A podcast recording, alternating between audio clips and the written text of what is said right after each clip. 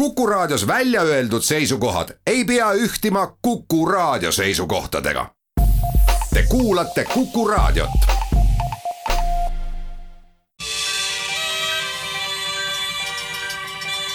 maatund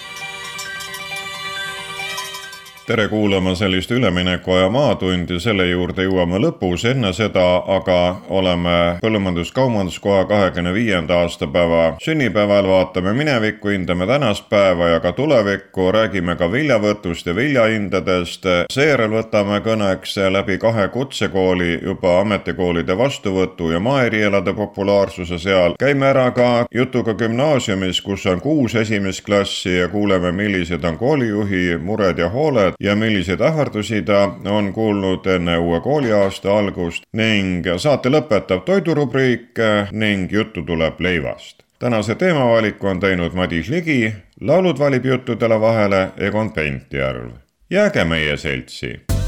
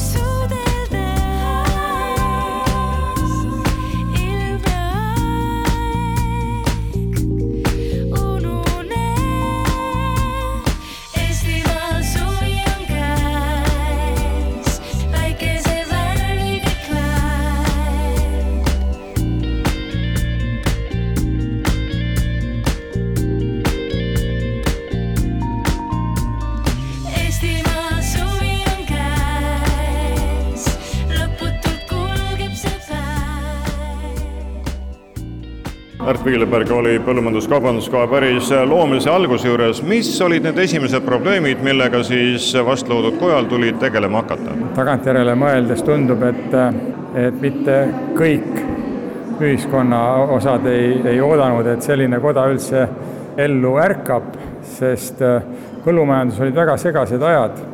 suurmajandid olid lõpetanud või lõpetamas ja väikestel olid omad organisatsioonid, ehk siis kogu põllumajandussektor, olgu nad siis põllumajandussaaduste kasvatajad või töötlejad, oli hästi killustunud.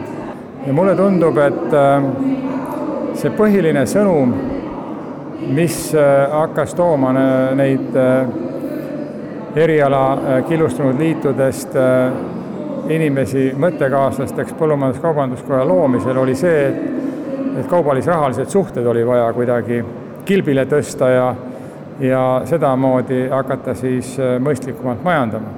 ja meil õnnestuski siis alustada sellega, et me hakkasime koguma ja levitama põllumajandusinfot tooteliikide, teravili, piim, liha, aiandussaadused, kaupa ja see aitas põllumeestel orienteeruda turu olukorras ja kui nad sellest aru said, siis äh, hakkasid tekkima juba grupid, kes äh, toimkondades, nendes eriala toimkondades hakkasid foorumeid korraldama.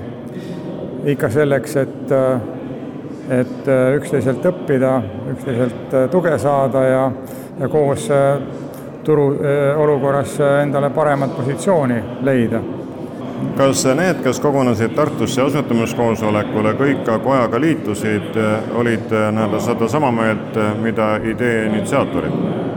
no tuleb meenutada seda, et paar aastat varem, tuhande üheksasaja üheksakümne neljandal aastal analoogiline ettevõtmine sellise ühise katusorganisatsiooni eh, moodustamiseks hääletati põllumeeste poolt maha, sest nad ei saanud aru ühtmoodi, et mida ja milleks vaja on aga paar aastat hiljem, eh, kui olukord oli eh, läinud ilmselt raskemaks veel ja ja abi eh, ühise tegevuse kaudu oli, oli nagu terendamas ees, siis õnneks see koja algus ka oli edukas ja, ja niimoodi on nüüd kakskümmend viis aastat seda taime kastetud ja väetatud ja ja loodan, et see jätkub veel pikalt ja, ja see katusorganisatsioon on koondanud enda alla nüüd juba ka metsamehed ja küllap, äh, küllap see Eesti toidusektor on sellest palju kasu saanud, nii et mul on hea meel, et äh, esimese tegevjuhina võin tagasi vaadata, et sai laotud äh, päris tugev vundament, millele on järeltulijad nüüd kindla ja uhke hoone ehitanud jätkan Andres Oopkaubaga, kes on ka aastaid olnud põllumajandus-kaubanduskoja tegevusega seotud.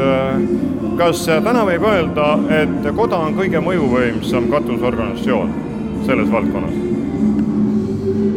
ma arvan, et äh, võib küll nii öelda, sellepärast et ega meil ju väga midagi sarnast või sellise haardega teist sellist organisatsiooni vastu panna põllumeeste poole pealt ei ole. Ja ma arvan, et, et koda on selles mõttes olnud õigel kursil, et ta on pidevalt natukese laiendanud ja oma tegevusvaldkonda suurendanud ja on sellega ka selle mõjuvõimu ära teeninud. Tähtis on tabada ära õiged rajajooned ja siis sammu seada ja neid samme ka suunata ja võidelda nende õigete sammude eest. Noh, teoorias on kõik äh, lihtsam kui praktikas äh, ja ma enda tegevuse aastatest mäletan küll seda, et, et seda noh, niisugust seda mõtteviisi läbi suruda on olnud ikkagi üsna, üsna vaevaline, sest äh, kõiki osapooli tuleb, tuleb noh, nii-öelda keelitada ja mingil hetkel pead ka olema valmis loobuma, et enam ei keelita, et nüüd, nüüd teeme selle harjutuse, et jookseme eest ära, et küll nad siis järgi tulevad ja ise tahavad liituda. et kõik variandid on ikkagi elus äh, olnud võimalikud aga sinu ajal nii ägedaks andmiseks ei läinud, et oleks vaja olnud traktoritega Toompeale või Brüsselisse sõita, et oma tõde ja tahtmisi kuulutada siis, kui mina nõukogu esimees olin, siis tõesti nii ei olnud, aga siis oli ka kõige hoogsam laienemine tegelikult, et see oli üks minu niisugusi enda ideid, et koda peab võimsamaks ja suuremaks saama ja põllumeeste pingutusi ei tohiks killustada. Ja ma arvan, et see minu äh, nõukogu esimehe, esimeheks olemise ajal ka ilusasti õnnestus, aga aga Toompeal traktoriga käisin ma küll, aga see oli siis, kui ma olin nõukogu liige lihtsalt, nii et, et kõik on ikka läbi elatud. nüüd oled sa ka ennekõike viljakasvataja, kuidas siis on, kas hakkab juba viljavõtt ühele poole saama?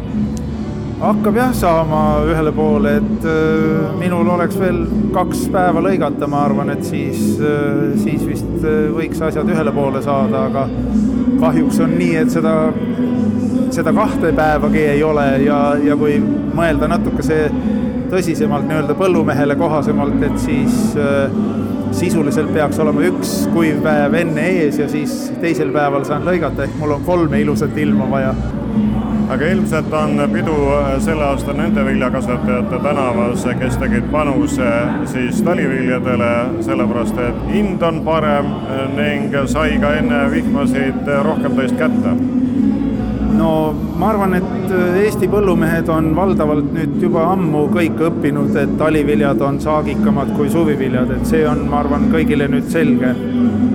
aga mis puudutab seda head hinda, siis ma tõmbaks natukese seda optimismi maha sellega, et äh, meid on aastaid äh, püütud õpetada, et äh, ärge jätke kõiki noh, nii-öelda hindasid ühele kaardile, et püüdke aasta jooksul nii-öelda jooksvalt fikseerida või, ja väga palju räägitakse sellest, et et kolmkümmend protsenti saagist fikseerige enne kevadet teine kolmkümmend protsenti nii-öelda suvel, siis kui te näete, mis teil põllul kasvab ja viimane kolmkümmend protsenti tuleks siis eh, fikseerida pärast saagikoristust.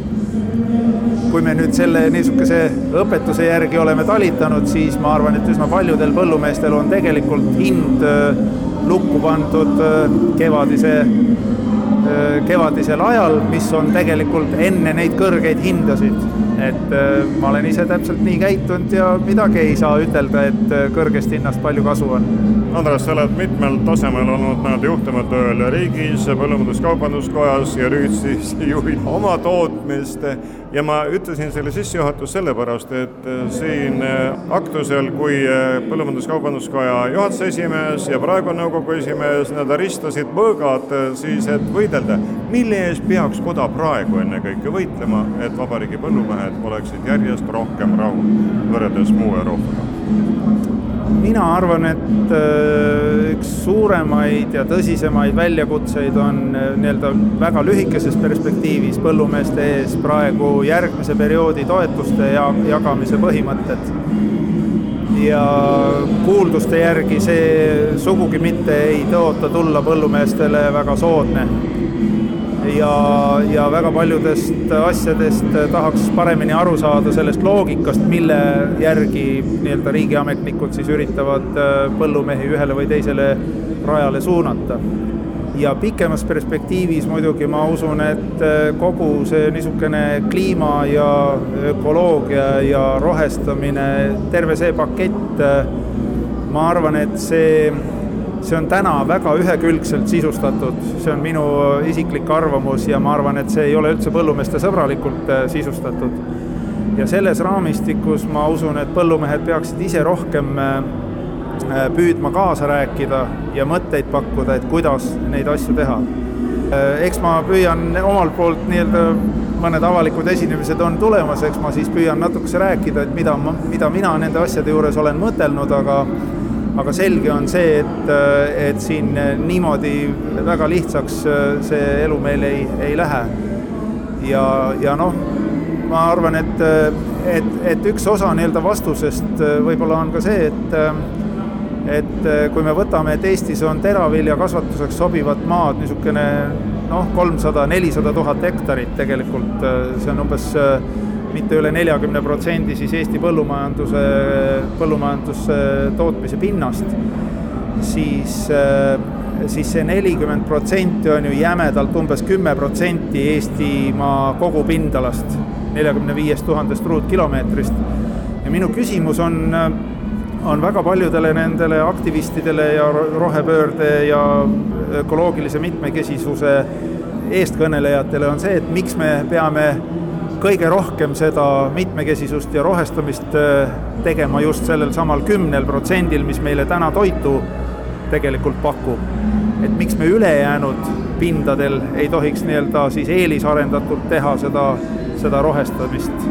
ma ei saa sellele küsimusele head vastust ja, ja see niikaua, kui see mind nii-öelda painab, ei saa ma ka sisuliselt suhtuda väga positiivselt kõikidesse nendesse ettepanekutesse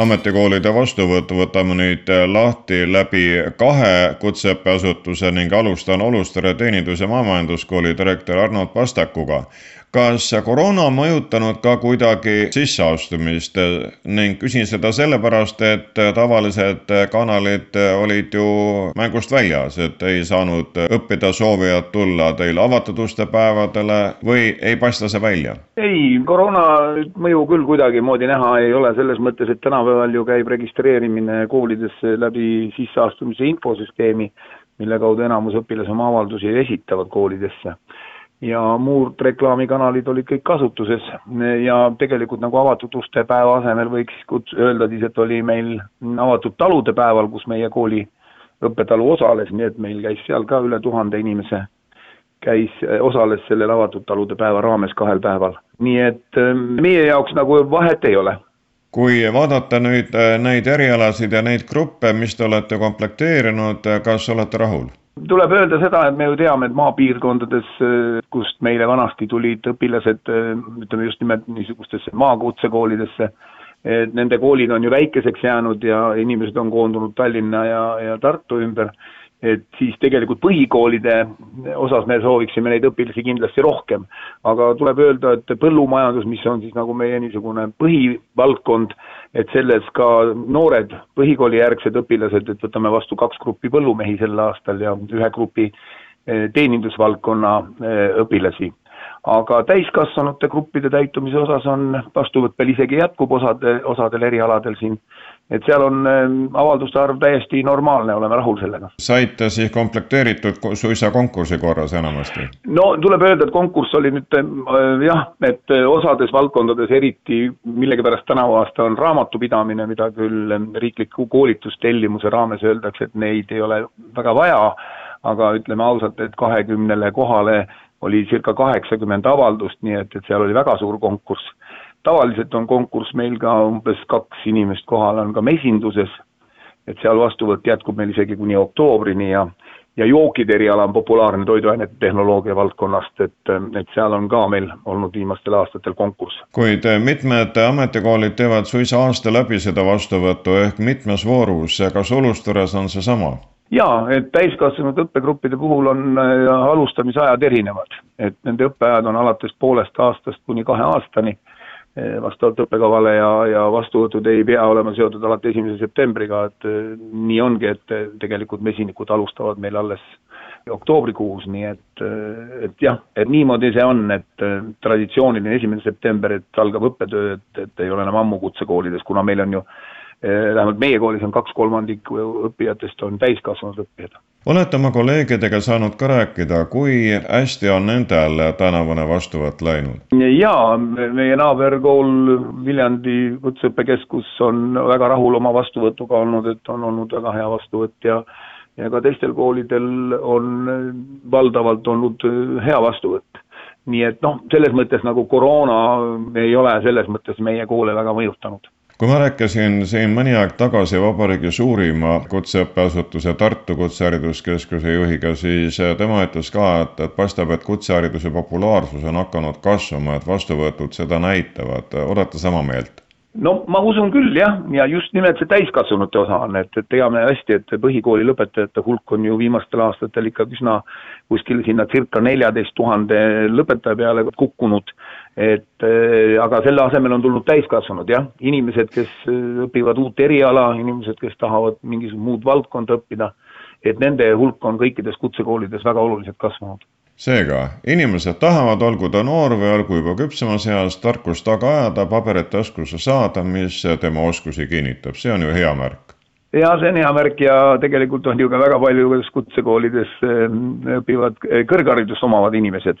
ja nendega on tegelikult ehm, lust töötada selles mõttes, et ehm, inimesed on motiveeritud, teavad, kuhu nad on tulnud, saavad aru, mida nad õpivad ja neil on olemas kindlasti mingi oma motivatsioon, miks nad seda teevad et äh, kui noortega põhikooli lõpetanute puhul on ikkagi seitsekümmend protsenti kasvatustööd, siis seal me saame rääkida ikkagi konkreetselt kutseõppest. Jätkan vastuvõtu teemat juba Järvamaa Kutsehariduskeskuse juhi Rein Oseliniga. kas saite esimese hooga kõik grupid täis või peate tegema järelnoppimist? saime esimese hooga kõik grupid täis, mida soovisime ja praegu veel ei ole otsustanud, kas hakkame tegelema järelnoppimisega või mitte. võib-olla mõnel erialal mis olid kõige populaarsemad, kuhu oli tung äh, teistest suurem? no tänavu oli kõige suurem tung veterinaariassistendi erialale, sinna soovis õppima tulla kahekümne viiele kohale ligi kaheksakümmend soovijat. millega seda seletate? no tõenäoliselt on see eriala, millel inimesed näevad tulevikku, teine asi on see, et seda õpetame ainult meie terves Eestis, et küllap need kaks asja kokku siis. kas sel sügisel on Järvamaal ka mõni päris uus eriala, mida varem õpetatud ei ole või olete lihtsalt jätkamas traditsioone? Ei, meil on uus eriala olnud viimased viis aastat igal aastal. tänavu on see kinnisvarahalduri eriala ja seal me saime täis kaks kahekümne kohalist gruppi ehk et nelikümmend inimest hakkavad Eestis õppima viienda taseme kinnisvarahalduriks esimest korda siis nagu ajaloos. Kes on need, kes tahavad tulla ametit õppima Järvamaa Kutsehariduskeskusse, on nad kohe koolipingist tulnud, on nad juba tööl käinud või juba küpsemas eas inimesed? tänavu võtame me vastu circa tuhat õpilast ja nendest umbes kakssada on siis need, kes tulevad otse koolipingist ehk et on kuueteistkümne aastased. ülejäänud kõik on täiskasvanud inimesed erinevas vanuses see näitab seda, et eh, kutseharidus on ühiskonnas oma kohta leidmas.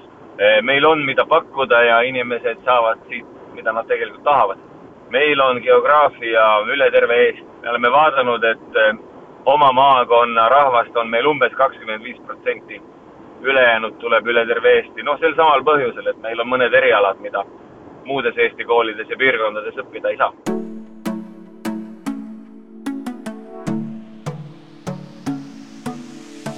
pliiatsid on valmis pinalis, spinner on kotis, taskus on tahvel, lähen taas kooli nagu sinagi. sama vana klass ja puhas lauasahtel, suvel sai söödud liiga palju tikreid, nüüd on vaja taas kirjutada spikreid, suvel sai söödud liiga palju tikreid, nüüd on vaja spikreid, ma lähen kooli, ees on koolitee.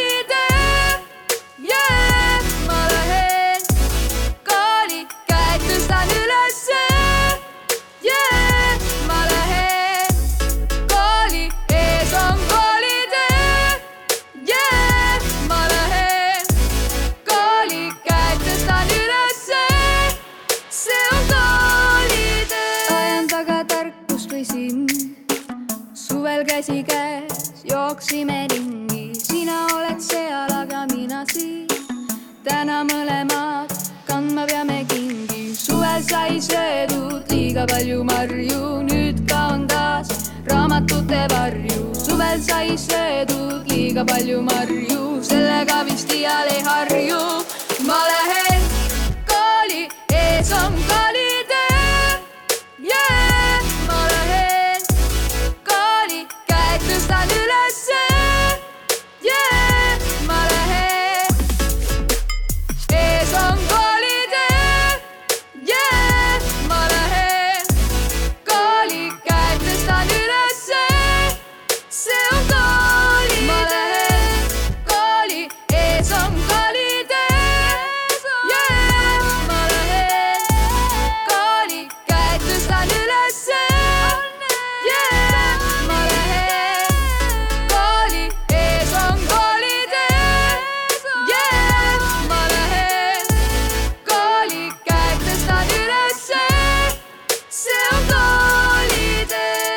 jätkan kooliteemat juba Ülenurme gümnaasiumi direktori Olev Saluvõõriga, sest äh, teie kool on vist üks vabariigi suurimaid, juba aastaid on äh, teil olnud ja ka tänavu on kuus esimest klassi, mahute ikka veel majja ära? no loomulikult on maja meil kitsas ja, ja selle mahtumisega on nii, et eks me oleme võtnud appi juba aularuumi ja, ja raamatukogus täiendavalt klassiruumina ja ka koridorid, aga tõesti, meil on nüüd kaheksakümmend õpilast rohkem, kui oli eelmine aasta ja kui nii vaadata veel, siis meil on täna tuhat kakssada üks õpilast ja need tuleb ära mahutada. Et kõige suurem klass on meil praegusel hetkel neljas klass, kus on ka kuus paralleeli, on sada viiskümmend õpilast, aga esimesse tuleb meil ka kuus ja seal on praegusel hetkel sada kolmkümmend õpilast, et, et eh, jah, keeruline ta on, aga hakkama oleme saanud ja rõõm on sellest, et lapsi jagub ja, ja et rõõm lastest on alati koolis selline väga positiivne olnud. koroonaaeg oli isegi kergem, et siis äh, õppisid lapsed kodus ja koolimajas äh, oli neid väga vähe. seda küll, eks, aga no oli ju neid koroonaperioode, kus algklasside õpilased olidki koolis ja oli ka perioode, kus olid hajutatud, et see hajutatud periood sobis meile küll paremini, aga loomulikult on ikkagi praegu nagu suund sellele, et kõik õpilased ikkagi õpiksid koolis ja õpilased ise tahavad ka kooli tulla, see on kõige tähtsam, nad tahavad õppida ikka koolis, näha teisi kaasõpilasi ja, ja suhelda, nii et, et, et see faktor on väga tähtis isegi ilmselt äh, on ka koolijuhil nii oma kolleegidega, lastega kui ka lapsevanematega sel suvel ja kooli hakul suhtlemist tunduvalt rohkem olnud, sest äh, inimesi ikkagi surub see koroonaaeg, mure on ning pärimisi küllap jagub. jah, seda kindlasti, meil on eh, ka mõni lapsevanem on öelnud, et tema last ei tohi kindlasti vaktsineerida ja, ja esitanud isegi, et kui lapse nõusolekul ja ilma tema teadmata vaktsineeritakse, siis ta esitab kahjunõude üks miljon eurot, eks ju. aga noh, see selleks. tegelikult ega siis vägisi ju kedagi ei vaktsineerita ja mis on tähtis, on see, et, et eks me peame kõik harjuma sellega, et kuidas me ise oleksime tervemad ja kuidas me teisi ei kahjustaks. see, et koolis ei ole otseselt maskid kohustuslikud ja samas ma ju näen, et, et mõni õpetaja praegugi kannab maski ja tegelikult eh, me peame nagu kõik mõistma, et see ongi loomulik asi, et, et kui ongi endal natukene kehvem tervisetunne, nohu, köha, siis esiteks ei tule kooli, kui vähegi võimalik ja, ja teiseks on see, et, et ikkagi kannan maski see maski kandmine peaks olema selline üks osa meie sellisest tugevast tööst, et see on loomulik ja kui kevadel oligi see maski kandmine kohustuslik, siis tegelikult egas ei olnud seda probleemi küll, et lapsed ei oleks kandnud maski õppetunnis näiteks. kuid kuidas on Ülenurmel korraldatud esimene koolipäev praegustes tingimustes? meil on olnud juba viimased aastad kogu aeg viis aktust ja aktused on meil koolimaja siseõues, et püüame vabas õhus seda teha, siis saavad ka lapsevanemad seal osaleda. Ja kui peaks olema vihmane, siis loomulikult me läheme siseruumi, aga siis sinna lapsevanemaid ilmselt ei, ei saa tulla. Ja selles mõttes me püüame selle esimese septembriga ikka kõik aktused ilusti ära teha, eks. küllap kooliaasta läheb lustlikult käima ja täis ootust ja ärevust nagu ikka, kuid see, et teil hulga saab omadega jälle kokku, see liidab inimesi ilmselt veel rohkem kui tavaliselt nii on, meil tegelikult olid juba mitmed laagrid siin, kaks laagrit augustikuus õpilastele ja üks laager oli mõeldud siin noh, sellel aastal teise klassi õpilastele, kes siis kolme päeva jooksul said siin omavahel veel suhelda ja küll Rakett kuuskümmend üheksa ja, ja Ahhaa teatrietendusi ja töötubasid läbi viia, nii et, et nende selline kooliaasta või kokkusaamine algas juba augustikuus. nägin sind sel õnnepäeval, nägin imeväärset naist, nagu jumalate käte töö ja ametini maist. nägin sind sel õnnepäeval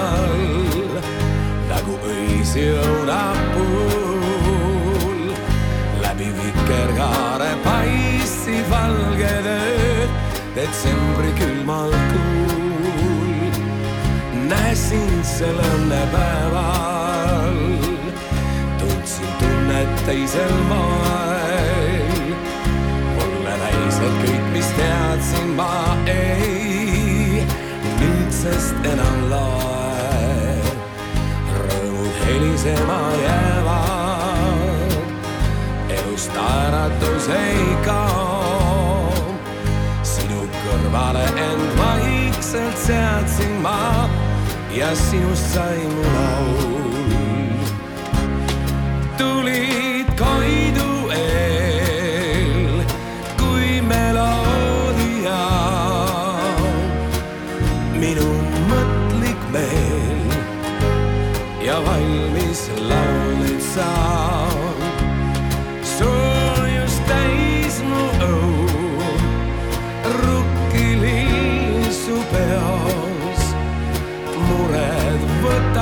ja kingid mul vaimustusjõu. oled looduslaps ja meistriteos.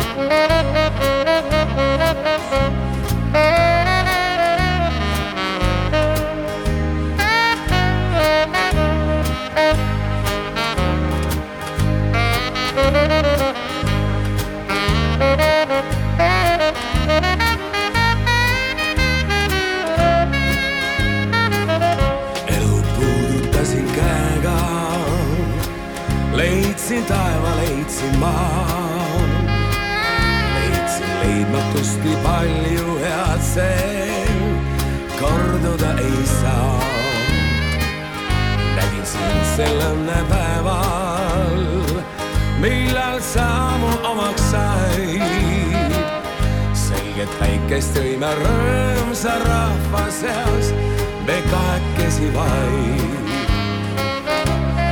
tulid Koidu eel kui meloodia, minu mõtlik meel ja valmis laul nüüd saab.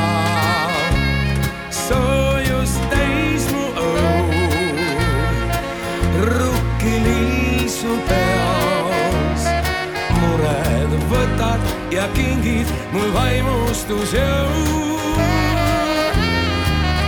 oled oled looduslaps ja meistriteos. nägin sind sel õnnepäeval, nägin imeväärset naist nagu jumalate kätetööd ja ametini maist. nägin sind sel õnnepäeval õisi õunapuul.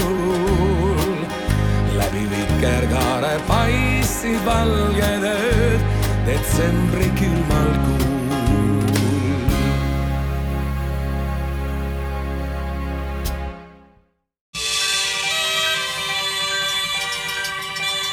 maatund maatunni toidurubriik tuleb suvepuhkuselt tagasi leivakotiga. professor Mihkel Silmer, leib peab laual olema igal söögikorral, olgu see hommik, lõuna või õhtu, sellepärast et leivas on nii palju kasulikke aineid, et organism ei saa kuidagi muidu läbi. jah, see on tõesti niimoodi, sest vaat kui küsida, et millised toiduained on nagu läbi väga, väga pika ajaloo testitud inimese peal, kui kasutada sellist asja, keegi ei testi, aga siis seda on ju söödud niivõrd kaua, leiba kui sellist ja leib on osutunud ikkagi läbi kogu selle ajaloo selliseks üheks põhitoiduaineks üldse. nüüd tuleme nüüd nüüdisaega. nüüdisajal on see, et kui inimene on normaalne sööja, sööb korralikku segatoitu, siis tal nagu väga palju selliseid lisandatuse muresid ei ole, aga ikkagi on sellised nagu kriitilisemad asjad, ütleme siin tsink ja, ja magneesium ja, ja mõned muud asjad, mõned vitamiinid. ja vot leib on nagu ka nende mõttes väga tubli tegija, nii et ta on ka nüüdisajal selliste nüüdisaja noh, ütleme selle keskkonnaga ja, ja eluoluga tekkinud selliste defitsiitsemate asjade allikas ikkagi. Ma nüüd võtaksin ühe huvitava asja ja loetleksin lihtsalt ette, mitte et te peaksite meelde jätma, aga vaadake seda loetelu nüüd. milles on siis leib nii-öelda tõepoolest meeleallikas, see tähendab, et kui me sööme leiba, siis me saame neid meele toimivas hulgas. no lihtsalt loetelu, süsivesikud, kiudained, muuseas isegi vesi, kaalium, fosfor, magneesium, raud, tsink, vask, mangaan, vitamiin B1 ja veel B9 folaadid. Te näete, et see loetelu on ikkagi väga pikk ja kui te ikkagi sööte korralikult leiba, siis te põhimõtteliselt saate neid meile toimivas hulgas pealegi praegusel arvamuste paljususe ajastul on äh, valik ka väga rikkalik, nii et kellele ei meeldi lihtsalt nii-öelda puhas rukkileib, see võib saada mitmesuguste lisandite, seemnetega või millega iganes, nii et võimalik oma soov täita leivaga on pea igaühel. Jaa, väga õige ja teiseks noh, ma usun, et taiplikud inimesed ja märkavad inimesed ongi tähele pannud, et tegelikult ega sellist üheksakümne protsendiline nõue on tegelikult, mis see tähendab? tähendab, võib teha ka leiva, mis on absoluutselt ainult rukis, noh, sada protsenti. Noh, see on üsna hapukas ja, ja, ja ega ta, kui tootjad seda teeksid suurtes kogustes, suurettevõtted, siis väga inimesed seda ei armasta, kuigi see on tore seetõttu on jäetudki selline võimalus, et kui üheksakümmend protsenti on nagu rukist, noh, ma räägin hästi üldises plaanis siis, siis kümme protsenti võib seal sees olla muid asju. noh, võib ka olla rukist vähem, aga, aga kui on üheksakümmend vähemalt, noh, tinglikult kokku lepitud, siis võib rääkida et te näete, et siin on isegi kümme protsenti lubatud teatud asju juurde panna ja see, ma arvan, on äärmiselt mõistlik, sellepärast et sellega saavutatakse selle see asi, et, et tuuakse selle rukile veel midagi kasulikku juurde ja nota bene väga oluline, mitmekesistatakse igasugust maitselisust, nii et noh, seetõttu ongi need mõni leib mõnele maitseb paremini kui teine rukkileib. kuigi neid kõiki võib nimetada rukkileibadeks, nii et väga õige, mitmekesisus on ka siin oluline ning äh, kui värske leib äh, ei istu või ei taha, siis on võimalik äh, teda natuke nii-öelda kuivatatud kujul või mõnel muul moel manustada, nii et siingi on nii-öelda nimekiri rohkem kui üks.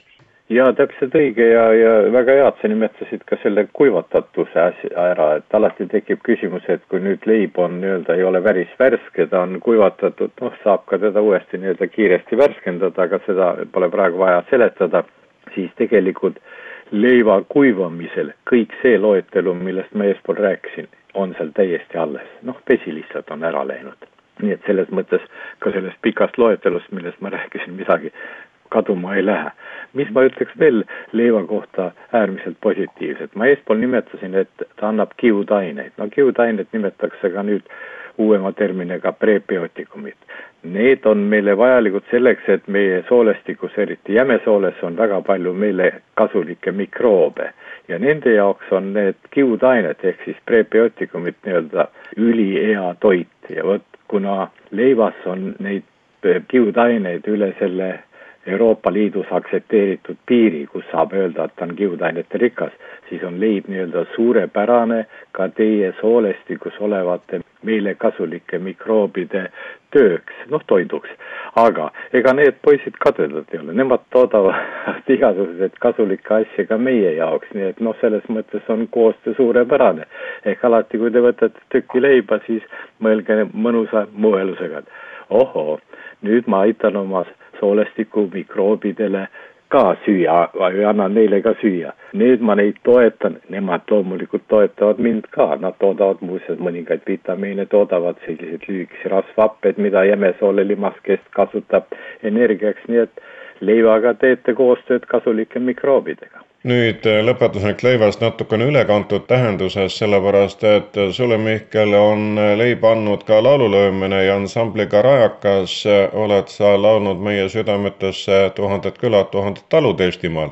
kuid järgmisel nädalal on üks tähtpäev ja Rajakas on selle ka laulu sisse pannud jah, Rajakas on palju asju laulude sisse pandud, võite kodulehekülg rajakas.com vaadata, noh, Tuhanded külad on tõesti noh, nii-öelda südamesse läinud laul ja, ja noore poisina sai tehtud ja mul on ülimalt hea meel.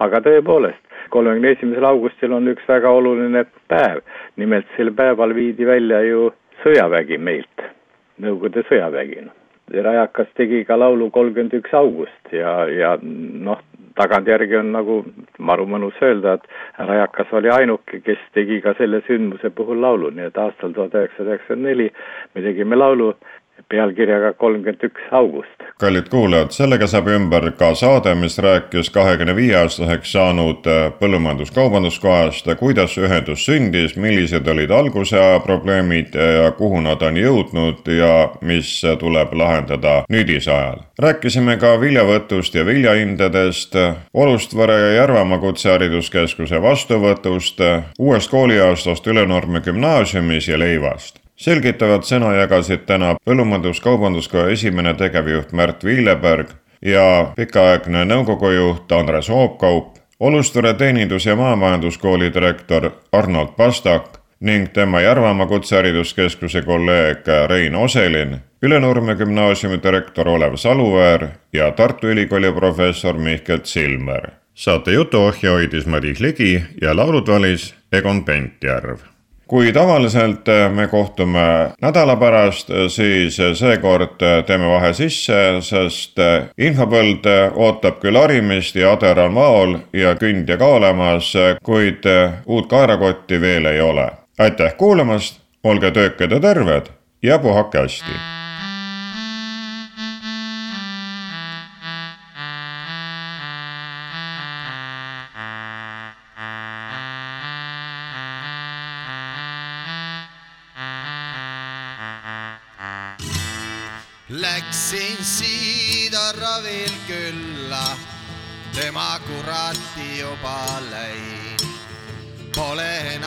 siin mul sõpru, jätsid üksi minema täid.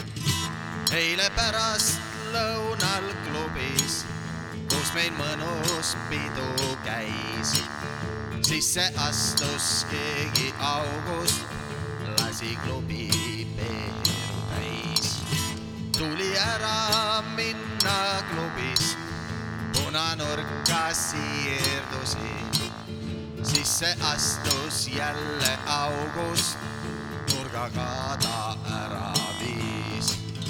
panin joonelt vassapoole, hing nii räbal tundus sees. vaikne nohin kostus köögist, keegi august keetis teed. siis kui parki tõtsin mina, tihti veeraga siin. Osa lehti juba kollas, keegi august siin on käinud. jalad kasarmusse tõid mind, higist märjaks läinud särk. katsin tabureti laua, nagu ikka käib värk. võtsin saapast viimse vodka, kurbusega kokku jõin. Peale hingasin pilotkalt klaasi põrandale lõin. siis kui magu täis sai vodkat, mõistus maha jättis mind. hiigelämblik vaatis otsa, ütles. Valentin, tulin sulle sõna